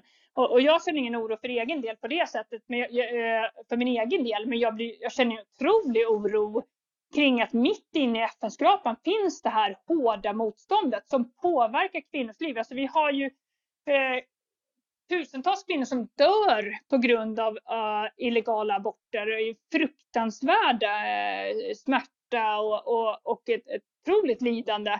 Uh, och många, många, många kvinnor som skadas av att, att det inte finns en, en, en rätt till abort där man kan fritt bestämma över sin egen kropp. Så jag ser ju verkligen att det är otroligt viktigt att Sverige står upp eh, internationellt för kvinnors rätt att bestämma över sina egna kroppar, för jämställdheten, tydligt också visa vilka positiva effekter det har för ett samhälle. Jag kan ju få frågan, eh, hur, hur har ni råd med en så utbyggd barnomsorg i Sverige? Och, och, min fråga kan bli, hur har ni råd med att inte ha det? Hur har ni råd med att ha era kvinnor Alltså att, att, kvinnor i ett land är eh, inne i hemmet istället för att vara med och eh, ute på arbetsmarknaden och att vi tar tillvara på kvinnors kompetens. Så det är ju, finns otroliga vinster i ett samhälle utöver att det är en fråga om mänskliga rättigheter. Att vi ska ha lika möjligheter. Det ska inte, vi ska inte ha eh, olika möjligheter i livet baserat på kön. Det är helt orimligt och där behövs verkligen Sveriges röst.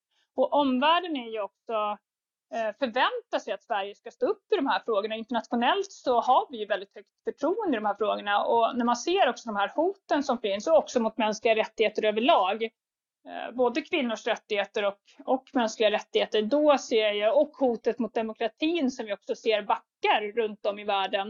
Eh, när man mäter demokrati, vilket man kan göra på ja, på mängd olika sätt med ja, men den fria pressen och när det gäller domstolsväsendet och kulturen och så, att vi ser att eh, när forskare tittar på det här, att demokratin backar. Eh, och där jobbar ju också UD väldigt mycket med en, vad, vad de kallar för drive for democracy. Så både en feministisk utrikespolitik och att stå upp för demokratiska grundvärderingar, det, det tycker jag är att där har vi som land en väldigt, väldigt viktig roll att spela. Och eh, där är det också såklart otroligt viktigt att vi inte får en regering som går hand i hand med de här auktoritära krafterna eh, där, vi släpper, där, där Sverigedemokraterna då får ett inflytande. För då kommer vi inte heller att ta den här rollen internationellt. Eh, och det kommer vara ett oerhört eh, svår situation för Sverige när det gäller mänskliga rättigheter och arbetet för klimat och miljö. Så att, eh, vi har en kamp att ta, eh, både internationellt och här i vårt eget land. Ja, det har vi verkligen. För, för 20 år sedan så pratade världen mycket om frihandel och globalisering, på gott och ont. Och idag pratar mm. världen, upplever jag, kanske mer om självförsörjning, också på gott och ont. Har du några mm, tankar om mm, det? Ja, ja, vi behöver ju öka vår självförsörjningsgrad. Vi har ju ett mål där i Miljöpartiet. Vi vill ha 80 procent självförsörjning och det tänker jag är otroligt viktigt för att skapa en större beredskap för kriser.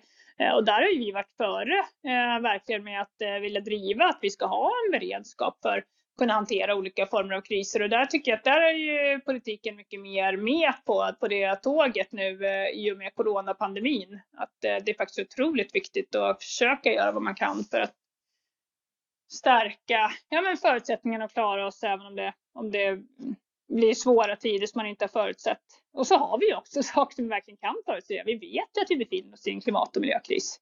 Där behöver vi inte stå och, och vara förvånade över vad som, eh, vad som väntar, utan där behöver vi ju förbereda oss på det och förstås också göra vad vi kan för att mildra den här krisen.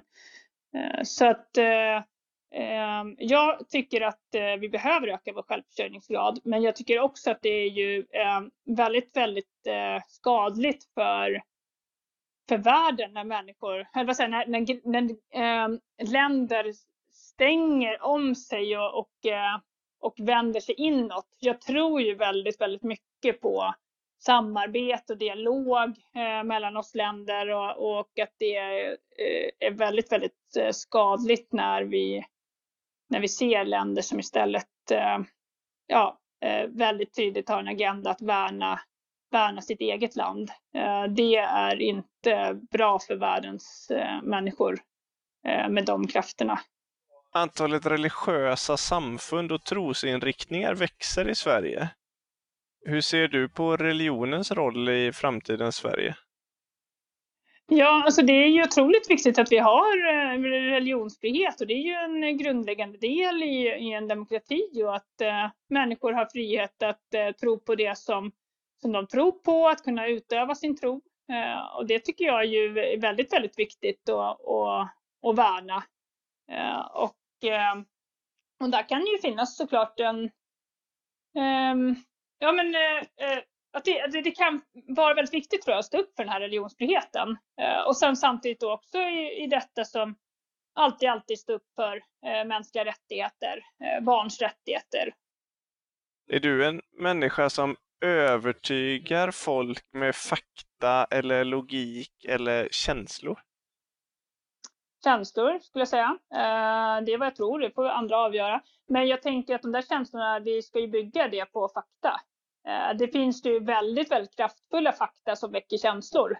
Eh, jag tycker att det är, eh, för min del så, så väcker det väldigt mycket känslor, till exempel att vi har en kvinna som mördas var, var tredje vecka. Ehm, det tycker jag är ju är fruktansvärt. Att man, att eh, kvinnor inte kan vara trygga i sina egna hem. Eh, också att vi har uppskattningar om att 200 000 barn i Sverige eh, lever i hem där det förekommer våld, hedersrelaterat våld, eh, annat våld riktat mot barnet. Eh, det kan också vara eh, våld från, ja då oftast eh, pappa riktat mot mamma. Vi har alltså barn som växer upp i Sverige och är rädda, eh, ensamma. Eh, de eh, lägger sig på kvällen med en klump i magen eh, av oro. Det tycker jag är fruktansvärt. Jag tycker att det finns väldigt eh, starka fakta som, som väcker känslor. Det finns ett skuggsamhälle i Sverige med ett okänt antal utsatta människor som eh, lever och verkar här i Sverige men som saknar både uppehållstillstånd och kanske arbetstillstånd. Vad ska vi göra åt det? Ja, men jag tänker att det är väldigt viktigt att äh, de människor som arbetsgivare som utnyttjar människor som kommer till Sverige och, och ger fruktansvärda arbetsvillkor, det tycker jag är väldigt viktigt att kraftfullt äh, bekämpa. Äh, och sen tänker jag att det är ju ja, men viktigt att bekämpa den organiserade brottsligheten som det pratas väldigt mycket om i samhällsdebatten idag. Vi ser ju att de här också utnyttjar människor som kommer eh, till Sverige.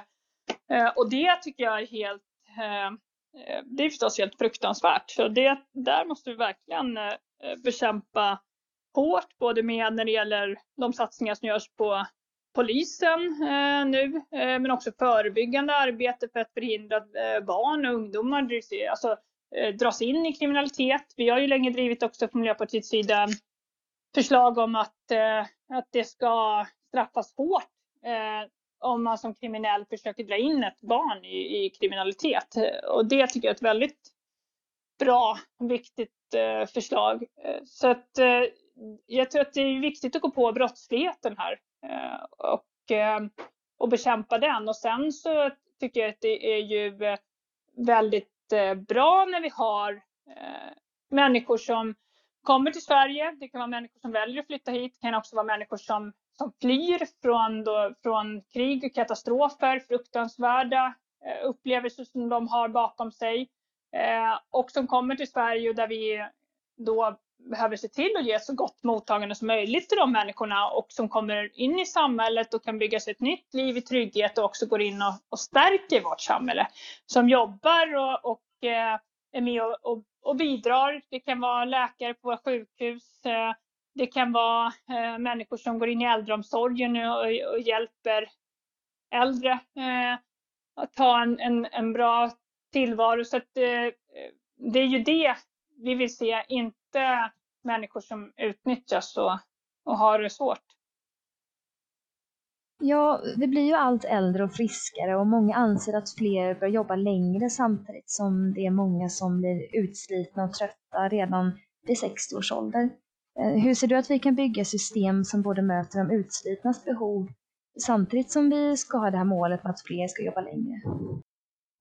Eh, ja, ehm, alltså det, vi behöver ju skapa ett mer hållbart arbetsliv. Eh, vi har ju ehm, ja, men, människor som, som slits ut och det ska man inte behöva göra på sitt arbete. Och där tänker jag också när det gäller arbetstidsförkortning så kan det verkligen vara också ett sätt i, inom vissa yrken där det är väldigt eh, tufft eh, att eh, verkligen då skapa bättre arbetsvillkor till exempel genom att eh, eh sänka arbetstiden och skapa en bättre villkor i, eh, på jobbet. Så det, det, ser ju väldigt olika ut också i, i olika yrken men det tycker jag är väl otroligt viktigt att Eh, man inte ska eh, bli utsliten på sitt arbete och att vi ska inte ha, inte minst kvinnor idag som går ner och jobbar deltid för att man känner att man inte orkar med att jobba heltid. Och då tänker jag att då är det ju inte kvinnorna det är fel på utan då är det ju arbetet som, som inte då eh, är, är anpassat. Vi ska inte ha jobb som sliter ut människor. Så att, eh, att skapa ett mer drägligt arbetsliv och, och då förstås börja inte minst i de yrken där vi ser att det är, ja, men det är stora sjukskrivningar till exempel. Det tror jag är en väldigt viktig framtidsfråga. Kan du säga någon viktig politisk fråga där du tydligt har ändrat uppfattning eller där du börjar bli tveksam till om det du tänker verkligen är rätt? Ja, inte på rak arm. Sen tycker jag att eh, det finns ju många frågor där uppfattningen växer fram. att Man behöver lära sig mer för att veta hur man ska tänka i politiken. Så att, eh, jag kommer ihåg att när jag var ny i politiken och var fritidspolitiker så funderade jag, då pratade jag med, eh, med vår gruppledare i, i vår kommun och, och, så vet jag att jag sa till henne att jag, jag vet inte om jag passar i politiken för ibland behöver jag verkligen fundera på vad vad är rätt väg framåt. Eh, och jag vet inte alltid vad jag tycker att vi ska fatta för beslut. Eh, och då vet, minns jag att hon, det här är ett tillfälle jag verkligen minns, hon, hon sa till mig att, eh, minns att hon vände sig om och så tittade hon på mig och så sa hon, Åsa, det är ju jättebra. Det är ju jättebra att du ibland behöver tänka och fundera kring att man inte alltid har ett rätt svar. Eh, och det minns jag väldigt tydligt, för det var ett väldigt viktigt ögonblick för mig, för jag eh, var ju väldigt ny i politiken, tänkte att man kanske måste ha väldigt snabba svar och alltid veta vad man ska göra. Och det vet man ju inte alltid som politiker heller. Så, så för mig kan det ju verkligen vara ibland väldigt tydligt och, och väldigt eh, eh, ja, men enkelt att veta, tycker jag, vad vi ska ta för steg framåt. Eh, men, men ibland kan det ju vara också svårt och då kan det ju vara också när det är nya politikområden man inte har jobbat med lika mycket. Då kan det ju vara ett större behov av att verkligen försöka sätta sig in i det och det som jag tycker också präglar vårt parti väldigt mycket, att vi vill bygga på kunskap och har tänkt igenom eh, det vi säger och, och har, har en analys bakom det och det är ju någonting som jag gillar eh, väldigt mycket och då kan man ju ha ett ha ett behov förstås av att känna att jag verkligen eh, känner att det här bottnar jag i. Det här är, det här är, tror jag är rätt. Så att, kanske mer att jag har eh, den typen av utveckling. Det betyder ju inte att man inte kan ändra sin fråga. Även om man har tänkt väldigt mycket på en fråga så kan det ju komma ny information och, och man kan ändra uppfattning och det tycker jag verkligen man ska vara öppen för. Men jag, jag kan inte komma på en fråga på rak, på rak arm. Det kanske var en lite lite otrevlig fråga att ta när man har pratat i ett par timmar redan och börjar bli lite hjärnmör. Jag frågan och fundera på om det finns något konkret exempel. Men vi kanske kan ta en enkel fråga och runda av lite med. Har du några tips på poddar eller Youtubers eller något som vi bör följa för att bli klokare? Ja, det var en bra fråga. Det finns en väldigt bra ska säga, serie som Göteborgs-Posten har gjort. Den skulle jag faktiskt kunna tipsa om. Och den eh, handlar om flickor som har eh, ja, men, eh, utsatts för eh, övergrepp av män eh, i Göteborg eh, och om kvinnor i prostitution och deras eh, villkor och också om eh, Eh, vissa av de här männen som har köpt sex. Och den är väldigt, väldigt bra. Det är, jag tror att det är sju delar av den här. Det står still i huvudet just nu vad, vad den heter. Eh, men jag, jag lyssnar på den. Det är sju delar, ganska långa avsnitt och jag, jag slukade de här avsnitten. Jag tyckte att det var otroligt eh, viktigt att lyssna, inte minst till de här flickornas eh, röster och det de eh, berättade. Och där tänker jag att vi pratar ganska mycket om eh, våldet mot eh, ja, men, eh, kvinnor och flickor, eh, inte minst då, då också icke-binära i prostitution. Att jag tycker att och de här övergreppen som, som flickorna och icke-binära personer också utsätts för och kvinnor i prostitution, att det ger en väldigt bra inblick i i den eh, fruktansvärda utsatthet som de befinner sig i. Eh, som jag tror är väldigt, väldigt värdefullt om man vill sätta sig in lite mer i de här frågorna, den här väldiga maktskevheten som finns mellan den som köper och den som säljer. Så där skulle vi behöva prata mycket mer om de här kvinnornas situation och hur de har det, för det är fruktansvärt. Den vill jag tipsa om. Jag har inte lyssnat på den själv ännu, men det står här att den, det är GP Podcast som har gjort en serie i sju delar som heter Systrar. Mm, just det. Jag ska definitivt lyssna på den. Precis, men gör det. Det är verkligen, eh, det var väldigt, väldigt eh, bra tyckte jag. Ja, spännande. Då får vi ta med oss det och så får vi lägga en länk i, eh, om vi kan lista ut hur man gör i de här poddkommentarerna. Ja, ja, jag tror nästan att vi är redo att runda av. Jag vet inte om jag kan tänka så mycket mer nu efter ett par timmar, men nu har vi ju testat om du orkar det också. Ja, men precis, för att uthållighetstesta. Jag känner nog att eh, precis, det, det stora utmaningen tror jag att ju längre tiden går, ju längre svar blir det. Så att eh, det är bra att de, de flesta intervjuer är ju inte två timmar. Så att, eh, men det var ju väldigt, väldigt fint att ha det här samtalet tycker jag mer och tack för alla frågor, verkligen. Ja, jätteroligt. Jättemycket svar och mycket att fundera på. Ja, fint att ni, att ni orkade prata med mig så här länge på en fredagkväll. Det gör jag verkligen. Tack för det. Tack för att du ville vara med.